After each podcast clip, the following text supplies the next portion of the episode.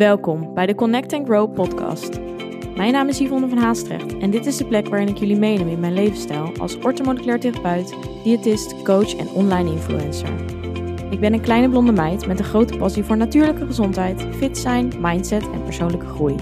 In deze podcast doe je inspiratie op door middel van eigen ervaringen, evidence-based informatie en praktische tools waar je daadwerkelijk iets mee kan. Een platform om samen te connecten en waar vele ervaringen mogelijk herkenbaar zijn. Hierdoor hoop ik jou het gevoel te geven er niet alleen voor te staan. Een veilige community met gedreven en open-minded vrouwen die allen op hun eigen manier willen groeien. Connect, be aware en take control. Ben jij er klaar voor? Welkom bij deze nieuwe aflevering van de Connect and Grow podcast. Vandaag heb ik weer een interviewgesprek voor jullie klaarstaan. En wel met Charlotte Labé. Mogelijk dat jullie haar al kennen van Instagram, mogelijk nog niet. Maar Charlotte is onder andere schrijfster van het boek Brain Balance. De naam zegt het al. Charlotte combineert haar kennis over het brein, de neurowetenschap, met de gezondheid van ons lichaam en geest. En dan voornamelijk de verbinding met elkaar. Dus hoe kun je het brein zo programmeren, onder andere door leefstijl en voeding, dat gedachten en ook handelingen vanuit jezelf veranderen en jij werkelijk een ander mens wordt. Door een mindere periode van haarzelf met veel stress ervaarde Charlotte dat het brein en de gezondheid onlosmakend verbonden zijn. Toen ze hiermee aan de slag ging, veranderde alles en het is nu haar missie het belang van onze hersenen bij jou over te brengen. Ze heeft haar eigen lezingen door het hele land, is bezig met een tweede boek, heeft ook een eigen podcast en is altijd up-to-date met de laatste onderzoeken. Mega inspirerend en ik denk een eye-opener voor velen. Ze deelt open haar persoonlijke verhaal, legt uit hoe je hersenen kunt herprogrammeren, welke voedingsmiddelen jouw brein positief beïnvloeden en geeft tips en uitleg over welke stofjes hierbij een rol spelen. Ik ga niet langer kletsen, laten we maar snel met het gesprek starten. Welkom Charlotte, leuk dat je in deze aflevering te gast bent. Dankjewel. Ik had het net al even in de intro verteld, maar ja, jij weet heel veel over het brein, onze hersenen. En je werkt ook veel voornamelijk met de connectie tussen ja, het brein en je lichaam, uh, gezondheid daarvan. Waar is eigenlijk die ja, nieuwsgierigheid of interesse voor de hersenen vandaan gekomen? Ja, nou, goede vraag.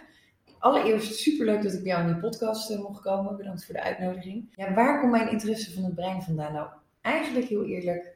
Als je me vijf jaar geleden had gezegd, jij gaat ooit iets met de hersenen doen, dan had ik je kaart uitgelachen.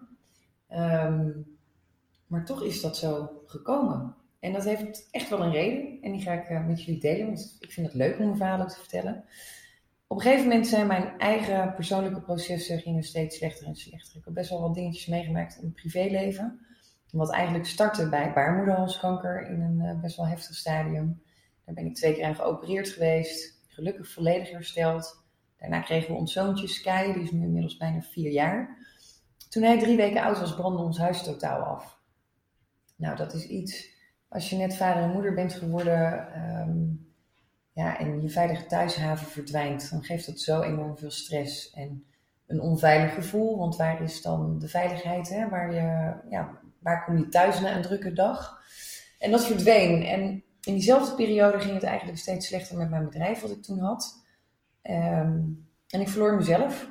Ik ben totaal alleen nog maar aan het werk gegaan. Ik, moest, ik had drie dingen. Ik moest voor mijn gezin zorgen. Ik moest zorgen dat het huis weer werd opgebouwd. En ik had een bedrijf te runnen, wat vanaf dat moment eigenlijk steeds slechter ging. Ja, en ik zette mezelf echt achteraan in het rijtje. Ja. Terwijl ik nu weet, als ik mezelf op nummer 1 had gezet, dan waren mijn persoonlijke processen heel anders gegaan. Ik had heel veel klachten. Ik had last van vaak migraineaanvallen, last van mijn darmen. Ik was super vermoeid. Ik kon slecht slapen. Ik had veel gedachten, onrust en heel veel nekklachten. En ik dacht, het hoort er allemaal bij. Want als ik dat aan mijn vrienden in mijn omgeving vroeg, dan zei iedereen: ja, dat is gewoon, ja, je bent druk en stress en uh, iedereen heeft dat. Dus uh, hoort erbij. Dat is ook als je ondernemer bent. Ja. Maar iedere keer knaagde er iets aan me dat ik dacht: ja, hoort dit erbij? Is dat wel zo? Hoort dit erbij? Ik weet het niet. Dus ik had heel veel vragen eigenlijk over mijn eigen persoonlijke processen. Maar ook die schoof ik aan de kant en ik ging gewoon lekker door. Nou, uiteindelijk is mijn bedrijf failliet gegaan. Ik heb een faillissement aan moeten vragen. En toen was ik mezelf volledig kwijt. Want ik werkte 80, 90 uur in de week. Ik werd mijn bedrijf zo langzamerhand, of ik was mijn bedrijf. En dan heb je je bedrijf niet meer. Het voelt enorm als falen, want je bent mislukt. ja, dat heb ik wel fysiek, maar ook mentaal enorm gemerkt. Noem het een burn-out, noem het overspannen. Ik zeg altijd, het is een disbalans. En die is er niet voor niks, het heeft een reden. En ik bleef dat eigenlijk negeren en ontkennen. Totdat ik van de een op de andere dag wakker werd en ik had verlammingsverschijnselen. Mijn hele rechterkant van mijn lichaam die deed het eigenlijk niet meer. Mijn arm en mijn handen, vingers kon het niet meer bewegen. Toen ben ik in het ziekenhuis beland bij een neuroloog. Meteen op de spoedeisende hulp opgenomen. En diezelfde dag kreeg ik allerlei MRI-scans, eh, CT-scans. Want ja, dit is een neurologisch probleem. En als er iets mis is in je hersenen, ja, dan gaat het goed fout. Nou, afijn, diezelfde dag kreeg ik uitslagen van alle onderzoeken. En uh, ik zit bij die man aan zijn bureau en hij zegt: Goh, mevrouw, daarbij heeft u stress? En ik zeg: Nee, nee, ik heb geen stress. Het gaat hartstikke goed. En toen dacht ik, ik had zo'n stemmetje achter in mijn hoofd die zei: Het is niet waar, het gaat helemaal niet goed. En je hebt hartstikke veel stress, je gaat er aan onderdoor. Ja. Maar toch, zelfs op dat moment, durfde en wilde ik het niet toegeven. Want ik denk, dacht, als ik het toegeef, dan kom ik er nooit meer aan. Dan, is dit, dan is het een feit. Ja, dan ben ik dat. dan ben ik dat. En dan heb ik gefaald. En dan ben ik niet zelfstandig. En dan ben ik niet goed. En ja. Toen zei ik, nou ja, streng voor jezelf. Heel streng. Ja. Want ik moest altijd de beste in alles zijn. Ik, ik, moest altijd gewoon maar doorgaan. En ik had niemand nodig. Ja. Ik kon het zelf wel. Dat is natuurlijk helemaal niet waar. Ja, herkenbaar voor je? Ja, zeker. Ja. Dat is natuurlijk helemaal niet waar. We hebben als mens allemaal iemand of meerdere mensen nodig die ons zo nu en dan eens helpen. Ja, en dat, uh, ja, dat vond ik toen van niet. Nee. Inmiddels weet ik wel dat het anders is. Nou, fijn. Uh, ik vertelde, of ik vroeg aan die man: Goh, wat is er nu specifiek aan de hand en wat gaan we eraan doen? Hè, wat is die quick fix? Ik wil dat het nu veranderd wordt. Ik wil dat, dat doe iets. Ja, dus wat kan ik worden of ja, zo. Dat kan ik doen. Ja. En toen zei hij van, nou, jouw nervus vagus, de hoofdzenuw, die loopt vanuit jouw hersenen en eigenlijk al je functies aanstuurt. Die is dusdanig op vier plekken chronisch beschadigd. Dat als je op deze manier doorgaat met je leven zoals je nu leeft, beland je definitief in een rolstoel. Je bent jezelf aan het uitschakelen. Dus je gaat verlammen.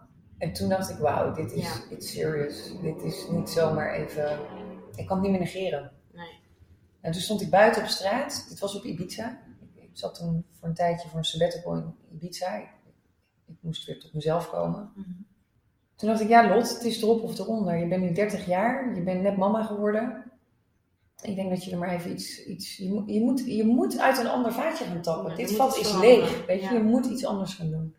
Maar ik wist echt niet waar ik moest beginnen wist ik niet.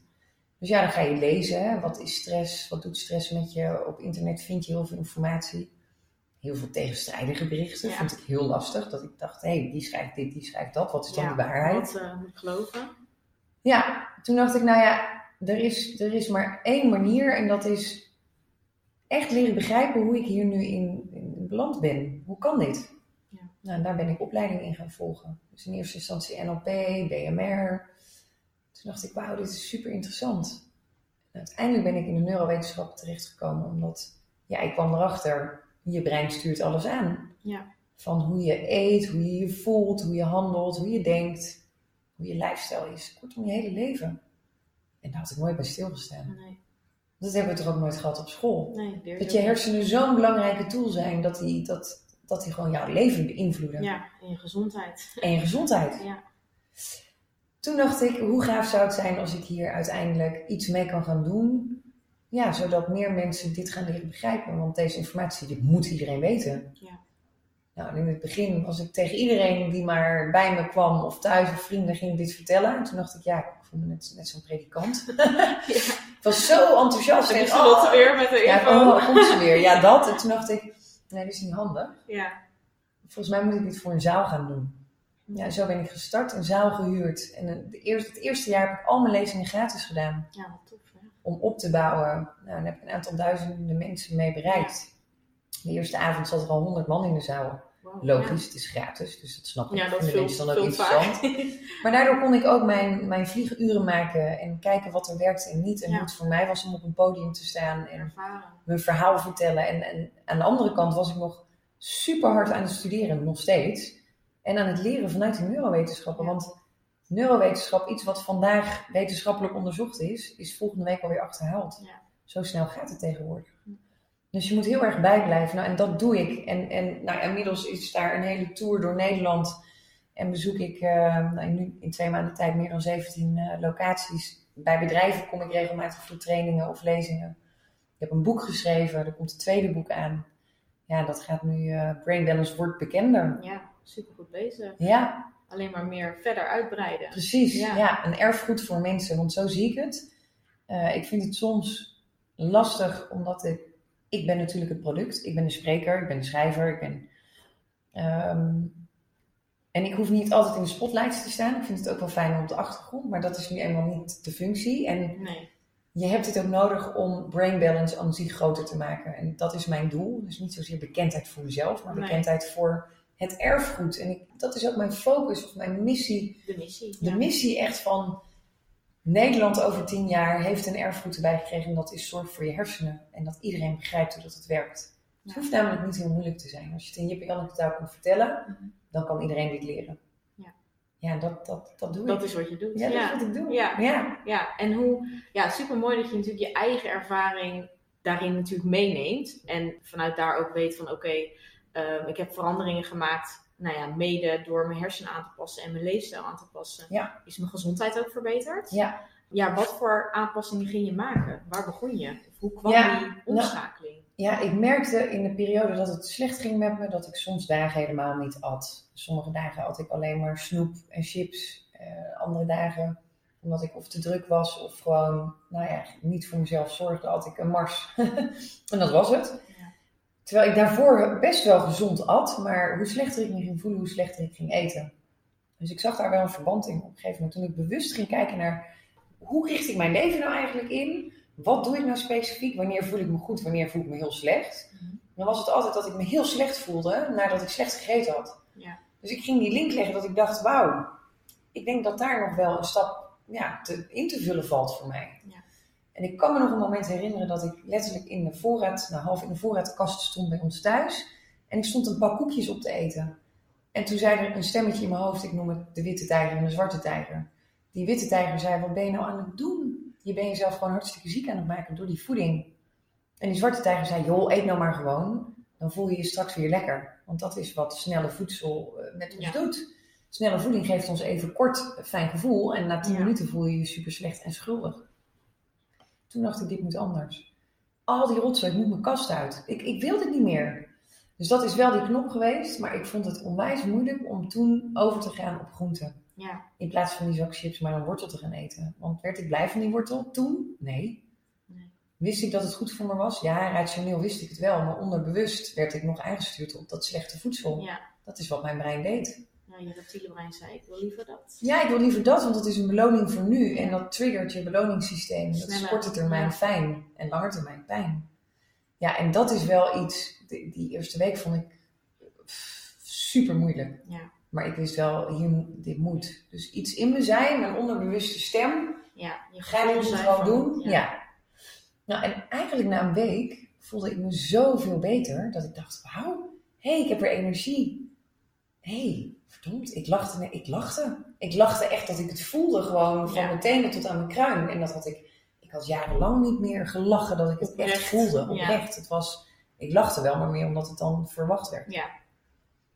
Toen dacht ik, jeetje, dit is, dit is gaaf wat voeding met je doet. Ja. Nou, toen ben ik eh orthomoleculaire geneeskunde gaan studeren. Verschillende opleidingen ingedaan. Ja, toen dacht ik, dit is gaaf. En dan in combinatie met de neurowetenschap, wat Ja. is voeding dan voor je brein? Want je hersenen hebben bepaalde voedingsstoffen nodig. En dat is iets, daar wordt nog maar heel weinig over gedeeld. Daar is echt al wel heel veel kennis over. Er zijn heel veel onderzoeken naar. Maar toch zeggen artsen nog steeds, er is te weinig onderzoek. En dan denk ik, ja, hoeveel wetenschap heb je nodig om te weten wat goed is voor Ja. je als mens? Ja. Ja, dat vind ik ook soms wel eens iets heel raars. En ik, ik hou van de wetenschap, want ik volg het echt op de voet. Ja. Maar ergens zijn we toch totaal de weg kwijtgeraakt van... We hebben wetenschappelijke onderzoeken nodig om te weten wat goed is voor ons. Ja. We zijn zelf een natuurproduct. We weten toch eigenlijk wel hoe het zou moeten. ja, iedereen weet het in zich. Ja. Ja. Maar toch doen we het niet. Nee. Ja, en dat is interessant. En dat merk ik ook, dat mensen het ook waanzinnig interessante eh, materie vinden als ik dat deel op mijn Instagram of op YouTube of waar dan ook. Ja, dat mensen zoiets hebben, ja, wacht even, met voeding, als ik daar meer mee kan doen, ja, dat is natuurlijk geweldig. Ja. Dus er komt een tweede boek en dat gaat Brain Food uh, heten. Dus echt uh, voeding voor je brein. Ja, mooi zo. Ik kan niet wachten. Nee. Kun je een, een, paar tipjes van de sluier weggeven wat dan bijvoorbeeld voedingsmiddelen zijn die ontzettend belangrijk zijn voor de hersenen? Ja, nou, om te beginnen is het belangrijk dat we leren begrijpen van hé, hey, dat systeem heeft voeding nodig. Um, iedere dag hebben jouw hersenen 45 verschillende voedingsstoffen nodig. Het is niet makkelijk om daar aan te komen. Ik heb daar zelf ook nog wel eens moeite mee, want het is veel. Je hebt het over eiwitten, choline, magnesium, dus verschillende soorten mineralen, vitamine. Ja.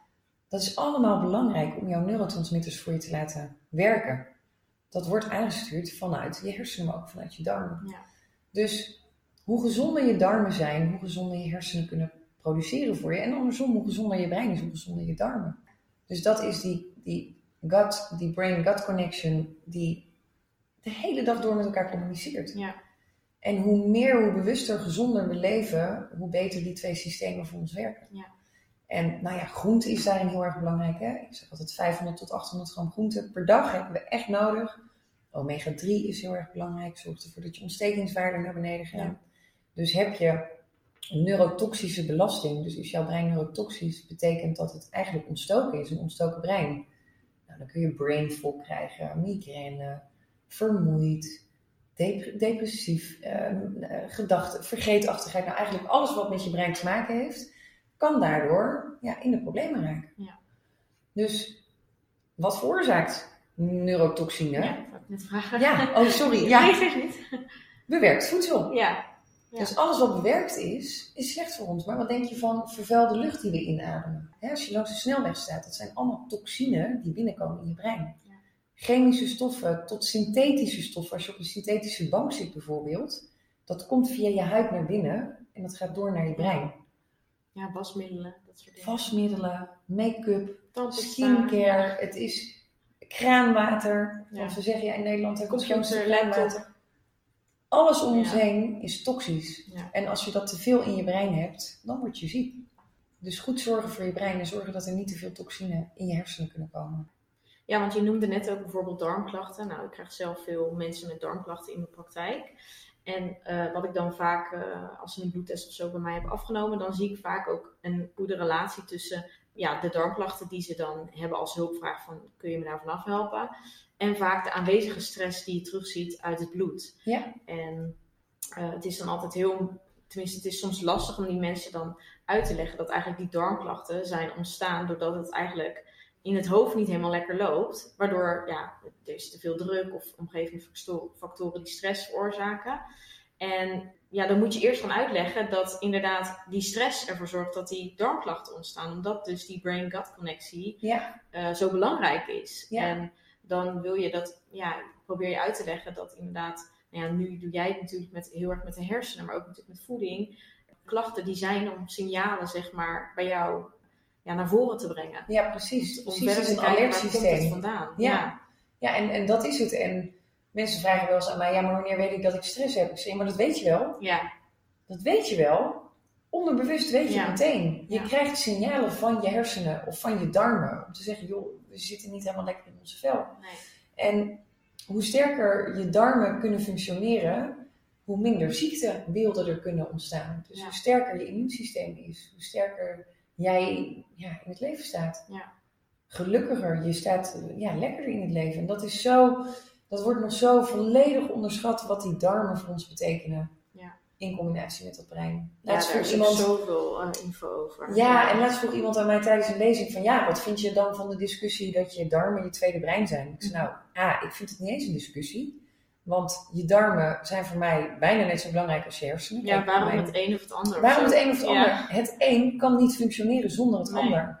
Dus voor mij staat het gelijk aan elkaar. Ik vind darmen net zo belangrijk als hersenen. En dat ik nu vertel vanuit de hersenen, neemt niet weg dat ik darmen minder belangrijk vind, want die zijn net zo belangrijk. Dus alles functioneert met elkaar samen. En daar gaat het om. Al jouw organen, van je darmen tot je longen, tot je hart, tot je nieren, tot je bijnieren, je hersenen één totaal plaatje. Ja. En die moeten het samen doen. Dus het is niet alleen voeding, het is niet alleen ontspanning, het is niet alleen de kennis over hey, hoe werkt dat brein. Het gaat over een totale systeemkennis die wij nou, nog gewoon niet hebben. Nee. Ja, waar te weinig over bekend is. Zeg Wat wel steeds meer komt. Ja, nou, steeds ja. meer. Ja. Er is, er is al twintig jaar eh, heel veel kennis over dit onderwerp. En, en als we helemaal teruggaan, eh Hippocrates, die zei natuurlijk al, laat voeding eh, Ja. je medicijn zijn, toch? Wat is Mhm. precies zijn, zijn quote? ja, Ehm, voeding als medicijn. Ja, exact. Dus, dus we weten het al heel erg lang. Alleen we leven er niet naar. Omdat we ook zo beïnvloed worden door die hele maatschappij, dat we zo ver van onze biologische functie afkomen te staan. En dat is zonde, dat is een gemiste kans. Ja. ja, het zijn gewoontes die erin geslepen zijn, zeg Ja, maar. Ja, 100%. Hoe iedereen denkt te moeten leven of wat normaal is. zeg Ja. maar. Zeg Ja, precies. En, en dat is natuurlijk wat er aan de hand is. Dat we, we krijgen op school niet geleerd hoe dat je systeem werkt. En wat je het beste aan je systeem kunt geven of juist niet. En hoe werkt het menselijk lichaam nu eigenlijk? Ja. Dat krijgen we helemaal niet op school. Nee. En ik zeg het altijd tijdens mijn lezingen, maar het staat ook in mijn boek, dat ik de hersenen, maar ook je hele body, gewoon als één grote chemische fabriek zie. Er worden chemische stofjes aangemaakt, neurotransmitters, hormonen, die bepalen hoe we ons voelen. Dat wordt aangestuurd door voeding, maar ook door ja, hoe dat je ademhaalt. Of dat je stress hebt of niet. Ja. Dus het, er is zoveel meer dan alleen maar een stukje voeding of alleen maar een stukje mindset. En het is een totaalplaatje. Kijk, die fabriek, als je gewoon even willekeurig naar een fabriek kijkt. Ja, wanneer die lopende band niet helemaal goed loopt, dan stagneert het proces. Ja, dat gebeurt bij ons ook. Ja. Wanneer er één orgaan is die niet helemaal lekker in zijn vel zit, dus niet voor jou goed eh, genoeg kan presteren, dat beïnvloedt de andere organen. Ja. En dan worden we ziek. Ja, het heeft een wisselwerking en, en alles heeft een functie en alles heeft een reden. Ja, ik vind het wel heel gaaf om te zien dat steeds meer mensen zoiets hebben van, oh ja, wacht even, er is meer, meer Ja. te vinden en er is meer informatie. Ja. Dus we worden bewuster, dat is heel goed. ja, en dat komt denk ik dus juist ook wel doordat mensen steeds meer signalen krijgen vanuit hun eigen gezondheid. Van hé, hey, er moet iets anders. En wat ik nu doe werkt niet. Dus oké, we moeten verder kijken. Ja. En, eh, ja, ook wel natuurlijk social media. Net zoals nou ja, jij met Instagram natuurlijk ook. Waar je super actief bent. Dat zorgt er voor een op een hele toegankelijke manier voor dat die kennis dan wel eh, ja, op een Jip en Janneke taal wordt overgedragen. En Ja. dat mensen daar ja, in de praktijk wat mee kunnen. En dat ja, is, eh, 100 procent. ja. En dat is belangrijk, want het start uiteindelijk allemaal bij een stukje bewustwording van, oh, er is wellicht meer. En ik denk dat heel veel mensen het onderbewust al wel voelen, maar rationeel daar nog niet zijn om, om concreet die stappen te gaan zetten. En ehm ja, we worden steeds zieker. We worden wel, hè, we leven langer, dus we worden ouder.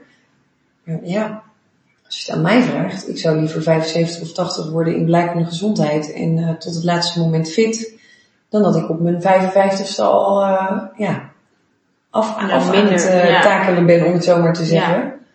En iedere week bij de, bij de huisarts of in het ziekenhuis zit. Ja, Dat, is niet, dat, is, dat is niet helemaal hoe dat ik het voor me zie. nee. En dan word ik liever geen 90, maar dan wel gewoon gezond oud. Gezond oud. Ja. Ja, want je hebt ook een zoontje. Ja, klopt. Sky. Ja, en ehm, nou ben ik benieuwd hoe je bij hem, want ik neem aan dat je, ja, dat voeding is voor jou natuurlijk belangrijk, maar natuurlijk dan ook voor je, voor je kind. Hoe je dat Ja. op hem, zeg maar, ja, overbrengt. Nou, dat begint eigenlijk al met breinkennis. Dus mijn hele opvoeding staat in het teken van hoe werken je hersenen en wat hebben je hersenen nodig. Zoals vanmorgen zegt hij, oh mama, deze smoothie is een beetje wat zuurder. Ik zei, ja klopt schat, dat is wat zuurder. Ja, ik weet niet meer, ik weet niet eens meer wat ik erin heb gedaan waardoor die zuurder is. Maar dat maakt ook niet uit. Ja, zoiets. Ehm, dus hij zegt, ja, ik vind deze iets minder lekker. Die van gisteren was lekkerder. En dan zeg ik, oké, maar wat, wat, heeft, wat is de functie van die smoothie? Ik hoef dat maar te vragen. En hij zegt, ja, het is goed voor mijn hersenen. Dus ik drink het ook op. Oh, Hij is 3,5, nog geen ja, 4. wauw. Dus ik heb zo vaak herhaald, en dat blijf ik iedere dag herhalen. Schatje, netjes je bordje leeg eten, want ja, dat is belangrijk voor je hersenen. Ja, Dus hij eet per dag acht verschillende soorten groenten. Dat is bij ons gewoon geen regel. Of een regel, Ja. ge- geen uitzondering. Ehm, ik denk dat hij zo'n 500 gram groente per dag eet. Nou, dat is voor een kind van 3,5 waanzinnig. ja, Maar ook dat is wel een stukje van meteen al gedaan. Vanaf dat hij vier maanden Ja. oud was, kreeg hij gewoon al gepureerde groenten. En of dat hij dat heel lekker vond, nee. Maar hij kreeg een week lang gewoon iedere dag gewoon sperziebonen gepureerd. Ja. En de week daarna was het broccoli en dan was het bloemkool. En hij vindt het allemaal verrukkelijk. Daarmee wil ik zeggen, niet dat mijn kind een uitzondering is, maar dat het wel met een stukje programmering van je Ja. brein te maken heeft. En dat is meteen interessant, want dat herken jij vast vanuit je jeugd, of misschien herken je het nu nog steeds, dat mensen vragen of je ouders of mensen om je heen, is het lekker? Smaakt het? Ja. Als je zit te eten? Ja, dat zei je ook in je laatste podcast volgens mij. Ja. wat de laatste was? Ja, ik heb hem vast ergens genoemd. Ja, dat je, dat je ook inderdaad tegen Sky zegt van ja, dat je eigenlijk nooit zegt van vind je het lekker, maar inderdaad waar is het goed voor? Ja, dat vraagt nooit En iemand als het van, oh ja, die is, bloemkool dan- is goed voor je. Ja, nee, nee, het moet lekker zijn. Ja, precies. Maar het is functioneel voor je. Ja, en dan zeg ik in, in kindertaal, want ik hoef hem niet te gaan vertellen dat dat eh, neurale netwerken versterkt. Nee. je, dat, nee, dan leg ik hem wel uit van, luister, je hebt je hersenen nodig. Wil je een stoppertje kunnen doen of wil jij het hardst kunnen rennen? Nou, waar is hij helemaal eager op? Het hardst kunnen rennen. Ja. Hij wil de snelste zijn. Ja. Dus dan beloon ik hem, dan denkt hij, wauw, maar dan kan ik nog harder rennen dan de kindjes uit de klas. Ja, en dan zo wordt hij ook geprogrammeerd dat hij Ja? dat- ja, ja. Hij zegt letterlijk van de week tegen een kindje op school, die was aan het huilen, of die was ergens bang voor, nou dat was iets. En hij zegt, stil maar, het maakt niet uit, het is je amygdala, komt goed. Geweldig. Dus die juffrouw Wijs zei kind tegen van, ja. eh, amygdala? Wat is dat? ja, Je wist is het zelf werkt het? Nee, hoe zit dat? Ja. En, en ik doe dat spelenderwijs, dus ik pak vaak dat brein erbij. Maar dan start het wel bij jezelf als, als moeder of als vader zijn, dat je de kennis over je hersenen Ja. nodig hebt. Dus dat zie ik ook in mijn lezing. Ik zie steeds vaker ouders terugkomen met, met puberkinderen of met al wat oudere kinderen. Eh, de jongste bezoekster was 13 jaar. Ze zegt, ja, ik vind het gewoon interessant, want ik denk dat dit eh, onderdeel gaat zijn van mijn leven straks. En dan denk ik ook, ik geloof er namelijk heilig in dat mensen die nu niet naar die verandering toe gaan van meer kennis over je eigen systeem, die lopen over vijf jaar gigantisch tegen de lamp en die lopen gigantisch achter. Ja. Want de jongere generaties gaan het wel doen. En de maatschappij gaat uiteindelijk op die hele jongere generatie, en dan ben je, wanneer je 30, 40, 50 bent, loop je gewoon achter. Ja. Zo snel gaat het. ja, dat denk ik. Dus niet leren begrijpen wat je brein inhoudt. Ja, je Kom je tekort. straks, ja, Ja. Je, komt, je komt straks in de problemen. Ja. Want die wereld verandert enorm snel. Terug naar mijn opvoeding, want daar hadden we het Ja, natuurlijk over. ja. Sorry, ik Nee, helemaal van. Lekker, ja. Ehm, wij hebben nooit suikers in huis. Dus de, dus snoep, hij heeft nog nooit snoep gegeten. Hij is bijna vier, nog nooit snoep. Zijn wij nou op een feestje, op verjaardagen, Ja, waar wel een snoep staat op tafel of taart is, dan weet Sky gewoon al, na die drieënhalf jaar dat ik dat continu herhaald heb, ik leg hem uit. Een kind kun je namelijk heel goed uitleggen waarom iets goed of fout is. Een Ja, kind heel zwart-wit. ja, en een kind heeft A, een onderbewust systeem wat heel sterk is. Dus die weet precies vanuit de natuur wat wel en niet oké is. B, een kind heeft 150 miljard hersencellen, dus veel meer dan wij volwassenen. Dus ze kunnen veel sneller daarop Oppakken. ja, oppakken en dat meenemen. Nou, dan ziet hij een bak snoep staan. En dan zegt iemand, Sky, wil je een snoepje? En dan zegt hij, nee, want daar zitten suikers in. Weet je dat het slecht is voor je hersenen? Ja. ja, Het is maar net wat je hem aanleert. Het is, Ja. maar dat is het. Ja. Welke data zit er in zijn brein? En dat kan bij alle kinderen. Ja. En daar zit de verandering. Die Ja. generaties moeten het anders gaan doen. Ja, en het is ook met, dat krijg ik dan ook vaak terug van, eh, ja, ze vinden het niet lekker, weet je wel. Maar een kind moet ook, ja, volgens mij is het elf keer iets proeven voordat hij iets lust. Dus ja, het heeft ook te maken met volhouden natuurlijk. Ja. En, en inderdaad, ja, eigenlijk een beetje zelf op je streep staan van, Ja. dit is het, je krijgt dit, je mag het opeten. En iets anders krijg je niet. Maar dat is het. En, en, en Ja. echt waar, eh, eh, opvoeden is zo niet makkelijk. En het kost Nee. zoveel energie. En je moet een stukje van jezelf ja, inleveren of weggeven, hoe je het dan ook ziet. Ja. En tuurlijk heb ik ook wel zoiets van, pff, nou weet je, ik heb nu even geen zin om die strijd aan te gaan. Of wat, waar het dan ook om gaat. Mhm. Maar het is wel zo dat als jij één keer zegt, nou oké, dan eet je maar niks, pak maar een boterham of ik maak wel spaghetti zonder saus voor jou. Dat je weer twintig keer moet herhalen dat hij het wel moet eten. Ja. En daar ga je de mist in. En dat doet dat brein. Heeft hij eenmaal één keer dat zo gehad, Ja. nou dan is dat de waarheid en dan houden we daaraan vast. Ja. En dan wordt het een struggle en dan wordt het moeilijk. Ja. Dus het is inderdaad herhalen. Smaakpapillen veranderen binnen 10 dagen. Dus na 10 dagen heb je andere receptoren waardoor smaak verandert. Ja. Dus mensen die zeggen, ja, ik lust geen groente. zeg, Nou, dat is, dat is iets aangeleerd. ja, dat moet je nog, ja. Dat is van jou een bepaalde mindset. Eh, vanuit je biologische systeem bestaat dat namelijk niet. Ja. Iedereen kan groente eten en lust groente. Ja. Dus ja, hoe, weet je, ja, hoe, ga je er, hoe ga je er zelf mee om? En eh, ik denk hoe meer waarde en kennis je hebt hoe duidelijker je begrijpt en dus ook de stappen makkelijker gaan zijn. Ja. Ja, en als je vroeg genoeg beginnen, dat is denk ik, dat is het allerbelangrijkste. Ja, dat is key. Ik bedoel, ik, Ja. eh, ik heb dan niet zo'n opvoeding gehad dat, al vanaf kinds af aan, maar ik heb dan wel, uiteindelijk maak je inderdaad zelf die keuze. Ja, Maar hoe eerder je begint, denk ik, ja, hoe beter. ja hoe beter. Ja. Sky die vraagt als hij een tussendoortje, dan is het of een stukje pure chocola, dat mag hij iedere dag vallen, Ja. want dat is gewoon gezond. Eh, of hij krijgt paprika of komkommer, dat is zijn. En dat vindt hij heerlijk, die eet een hele paprika op. Ja, voor hem is dat zijn lekkernij, zeg maar. Ja, precies. Mensen vragen wel eens, ja, maar vind je het dan niet zielig dat je hem dat ontneemt? En dan stel ik twee vragen. Dan zeg ik, is dit een vraag vanuit de gewoonte die we hebben? Dus wij zijn zo opgevoed, dus Mhm. moet de rest het ook maar zo doen? Ja. Dat is vaak het geval. Of vind je het zielig dat ik mijn kind gezond wil houden? Dat is een goede vraag, ja. Ja, en dan neem ik het voorbeeld, maar geef je je kind ook sigaretten? Nee, maar dat is hartstikke slecht. Ja. Weet je dat suiker misschien nog wel slechter is dan een sigaret? Maar dat besef ik dus niet. vergelijking, ja.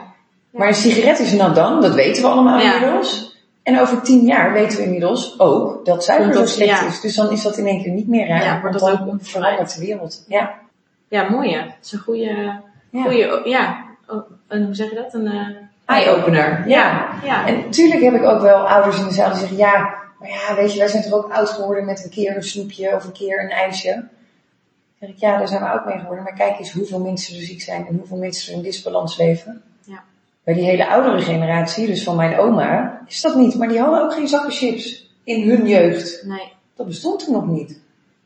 Dus, ja, ik denk dat het niet heel veel goed brengt. eh, dat is al lang bewezen ook. Ja, ben ik met je eens. Ja, toch? Dat weten we al lang. Ja. Er Zijn er naast, is er naast, naast suiker nog iets wat je buiten je patroon houdt? Of eh, Ehm, ja, alcohol Nou, misschien? Ja, alcohol sowieso. Ik denk dat dat, dat daar komt ook steeds meer over naar buiten. Hè. Alcohol, dat dat ehm, volgens mij percentage 35% sneller borstkanker ontwikkelt. Als je, als je dus zo nu dan een glas wijn drinkt. Ja. Ja, daar schrikken mensen dan van, want dan wordt het in één keer tastbaar. Oh jeetje, ja, kun je dat ervan krijgen? Ja. Maar eigenlijk is het gewoon de noemer bewerkt voedsel. Alles wat je niet rechtstreeks uit de natuur van een boom of van een struik of uit de grond kan halen, dat is schadelijk voor je hele systeem. Ja. En dat zorgt voor mentale klachten. Depressies kunnen echt ontstaan door een verarmd voedingspatroon. En mensen zeggen dan, ja nee, maar dat is eh, DNA. Nou, er is maar 3 tot 8 procent DNA wat bepaalt of dat jij een depressie hebt of niet. Ja. De rest is lifestyle. Dat doe je dus zelf. Je kunt het ook zelf veranderen. En dat is een harde waarheid die heel veel mensen nog liever niet zien. ja. De verandering ligt bij jezelf. Maar jij zegt ook, jij hebt het ook vaak over die neuroplasticiteit. Ja, Dat je dat dus ook in je brein nog kan, die denkwijze eigenlijk dus ook kan veranderen. tuurlijk, daar start het mee. Ja, Want heb je je brein niet onder controle, dan gaat je voedingspatroon ook niet veranderen. nee, ja, dat ik, ja. Dus stap voor stap in de juiste volgorde. Ja. Daarom is het zo moeilijk. Ja, maar ik heb twee weken gezond gegeten. Ja, toen viel ik helemaal terug in een oud patroon.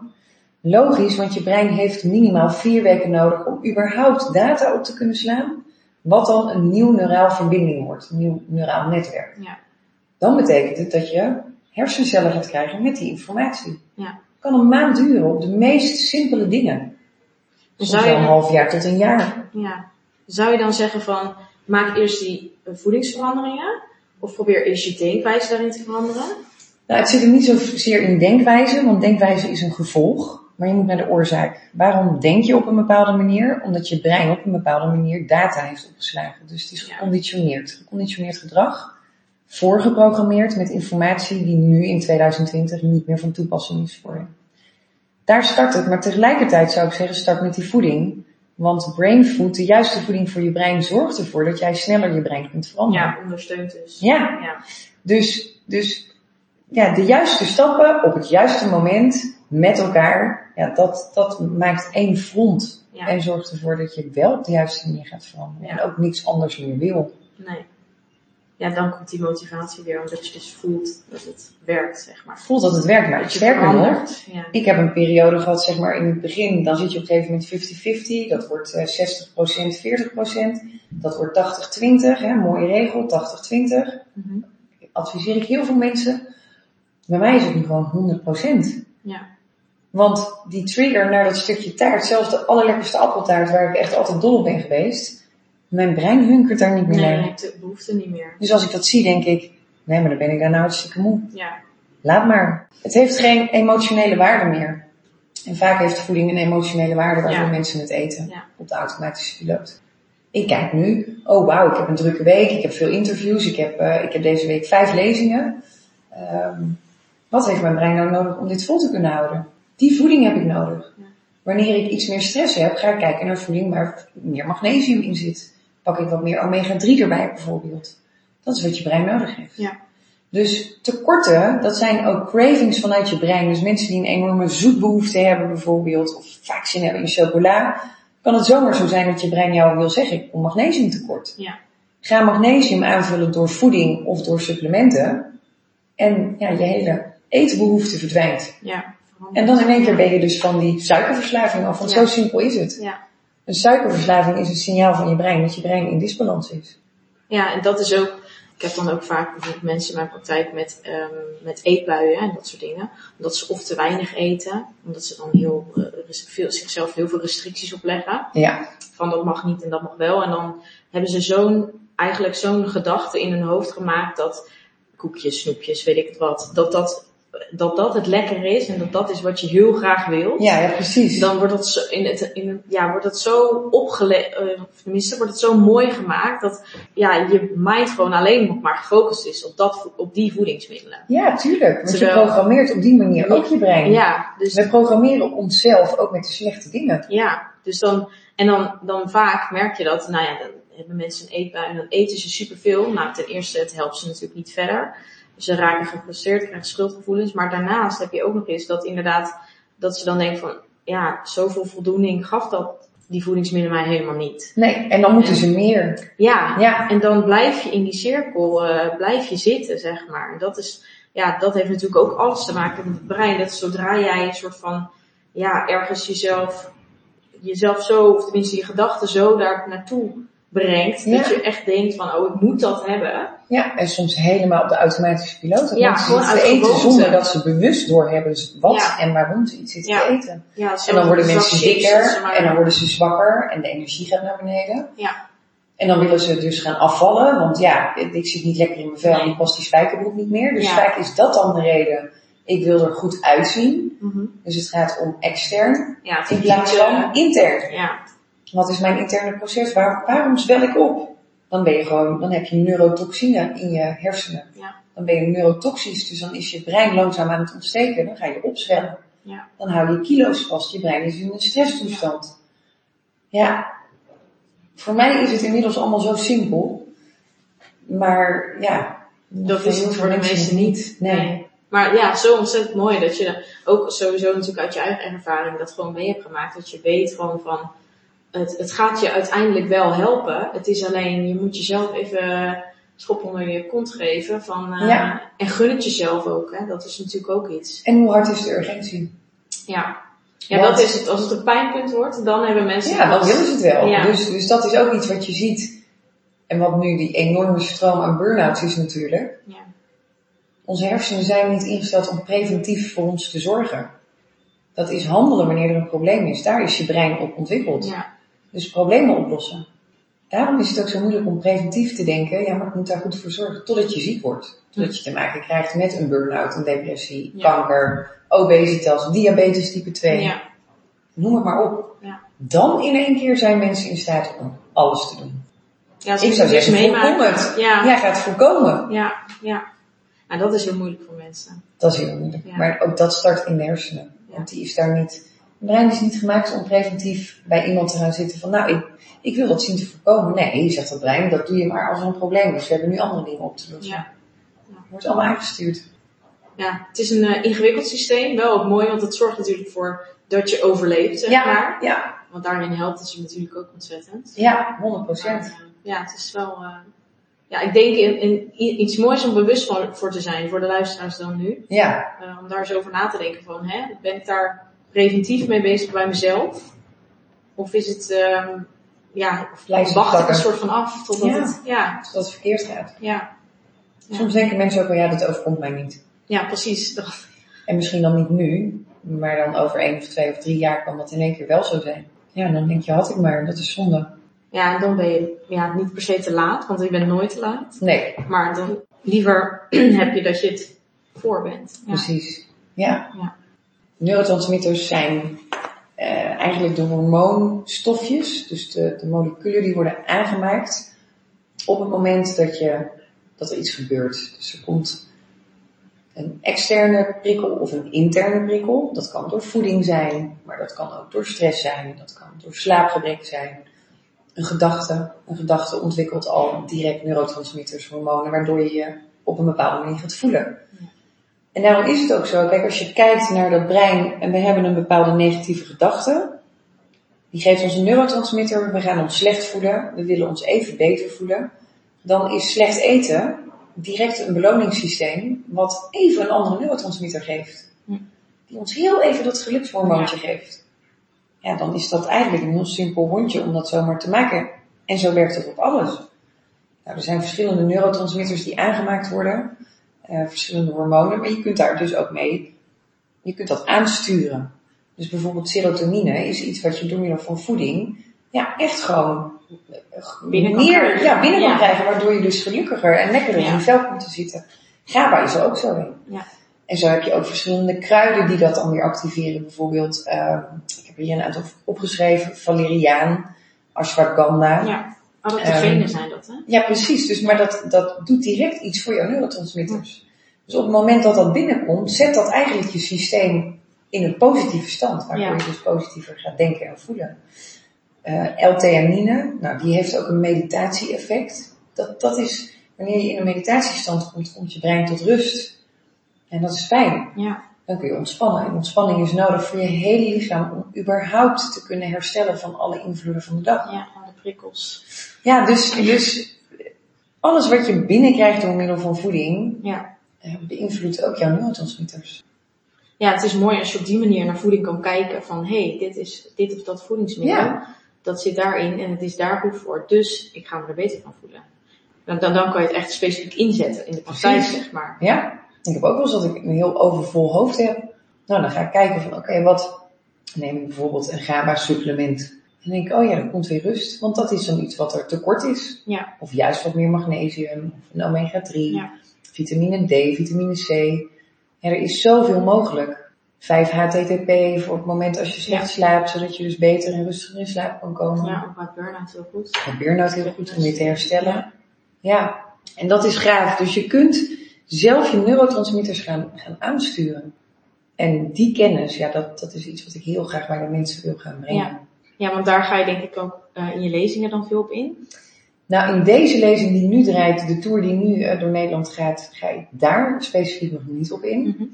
Ehm, want dit is best wel, je zei het net zelf al, ja, neurotransmitters, ja, de- de- daar valt zoveel Ja, over te vertellen. Daar kan ik al twee uur over kletsen. Ja, Ja. precies. Dus, en dat vind, ik, dat vind ik echt een stukje diepte. Dus er Ja. moet eerst basis in zitten bij mensen echt begrijpen, hé, hoe is het brein ontwikkeld? Ja. Hoe word ik aangestuurd? Dus de lezing die, eh, die nu draait, die heet ook wat we nooit geleerd hebben over de werking van onze eigen hersenen. En wat ik mensen wil laten ervaren in die lezing, en dat gebeurt, is dat we alles op de automatische piloot doen. En eigenlijk helemaal geen grip hebben op de hele situatie. Op ons hele leven. Nee. Ja, dat, dat is leuk. hoe mensen het voelen. Ja, ja. Ja. en dat, is, dat vind ik dan leuk. Ja. Want ik krijg letterlijk van mensen dat ze zeggen, nou, ik ga eigenlijk met meer vragen naar huis dan dat ik kwam. Je hebt Ja, want hoe meer met- je weet, hoe... Ja, ja, hoe meer je weet, hoe meer je wil weten. Ja, dat is het. En ieder deurtje wat je in die hersenen open doet, daar zitten weer tien deuren. En, Ja. en als je eenmaal getriggerd bent hoe het werkt, dan wil je alles weten. En dan open je weer een deurtje en dan zitten er daar weer 15 deuren. En zo ga je maar door. Ja. Dat hele systeem. Dus voor mij is het van belang dat mensen echt gaan begrijpen waar stuurt dat brein op aan. En dan in de vervolgstappen, zeg maar, kun je echt aan de slag met ja, welke voeding heb ik dan nodig voor mijn Ja. brein? Hoe werkt het met neurotransmitters? Hoe ga ik dat aansturen? ja, wat specifieker. Ja, dan krijg je echt die tools. Maar je moet eerst begrijpen, waarom doet het brein wat hij doet? Ja. Want anders kan ik heel veel tips geven, maar kun je er niks mee doen. Nee, dan weet je ook de onderbouwing niet. Nee, precies. Maar je, je zult eerst ja, die neurale netwerken Ja, die moeten vullen met informatie. Dus nee, niet gedachten, gedachten specifiek, maar dat is een gevolg. Dus je moet eerst naar de oorzaak. Ja, de gedachte is een gevolg van hoe je brein is geprogrammeerd. Precies. Ja. Dus we moeten dat brein anders gaan programmeren, waardoor je gedachten anders worden en het makkelijker wordt om voeding anders in te gaan zetten. Je moet gaan leren begrijpen waarom heb je überhaupt voeding voor je hersenen nodig, want dat is iets nieuws. Mhm. Dus daarom is die basis zo belangrijk. Ja. Heel veel mensen willen naar een quick fix, dat zul jij ook in de praktijk hebben. Ja, oké, maar schrijf me nou maar gewoon voor wat ik nodig Ja, heb. Wat moet ik eten? Wat moet ik eten, wat moet ik drinken, zeg het me maar. Ja. Ja, maar die quick fix, je bent misschien al 30 jaar eh, je brein aan het programmeren, je darmen kapot aan het maken. Ja. En dan verwacht je dat wij het binnen twee weken voor je oplossen. Dat kan niet. Dus biologisch gezien zul je moeten gaan begrijpen wat de biologie is van jouw hele systeem. En daar start eigenlijk die lezing mee. En zijn er nog kaarten? Nou, ik heb in deze tour, die loopt tot 2 april, ehm 17 steden die ik aandoe. En daarvan is, eh, zijn er nu 11 uitverkocht. En ik verwacht binnen nu en drie weken dat, eh, dat alles totaal Ja. uitverkocht is. Ja, Nou, de podcast komt wel eerder online, dus dan dat is mooi. weet. Ja, dus als mensen dat luisteren, Ja. eh, ik kom nog in Utrecht, dat is 2 april, dat is de laatste. Die zit ook al bijna vol, dus die gaat onwijs snel. Ehm jeetje, Maastricht, Groningen, Zwolle, Eindhoven. Ja, echt Ja. eh, zo verspreid mogelijk door het land. Ja. Maar het is op dit moment eh, ja, een explosie van eh, mensen die interesse hebben in brain balance. Ja. ja, Nou, hartstikke mooi toch? ja, supergoed. En ik denk dat ze na de podcast nog wel veel meer geïnteresseerd zijn. Nou, onwijs leuk. Ja, leuk. Ja, en ik zal ook de, eh, de informatie voor de tickets en eh, ook je link naar de Instagram ook even in de show notes zetten. Dus Leuk. dan kunnen mensen Ja. gelijk doorklikken. Ehm, heb je verder nog iets wat je zou willen delen? Zeg ik nog iets wat ik zou willen delen? Ja, jeetje, begin bij je hersenen, want dat stuurt gewoon alles aan. En dat leren begrijpen, snapt ook waarom je darmen zo belangrijk zijn. Ja, En die twee zijn zo waardevol voor ons mensen. Ga er zuinig mee om, want je hebt maar één brein, je hebt maar één stel darmen. ja. Dat wil je echt niet verpesten. En ik gun iedereen ja, dat ze gezond zijn. ja. Mooi. Ja, dankjewel. Ja, jij bedankt voor de podcast. voor de Superleuk. Ja. Dankjewel. Bedankt voor het luisteren. Vond je dit een leuke aflevering of ben je geïnspireerd geraakt? Deel dit dan met anderen of maak een screenshot en deel dit via stories op Instagram. Superleuk als je mij hierin tagt. Elke vorm van support waardeer ik enorm. Laat bijvoorbeeld ook een review, sterren of een reactie achter. Meer connectie, volgen wat ik doe of info over wat ik bied? Je kunt mij vinden op Instagram, Yvonne van Haastrecht. Tevens een directe link van mijn website in de show notes. Ik wens jou een hele fijne dag of avond en tot de volgende keer. Doei!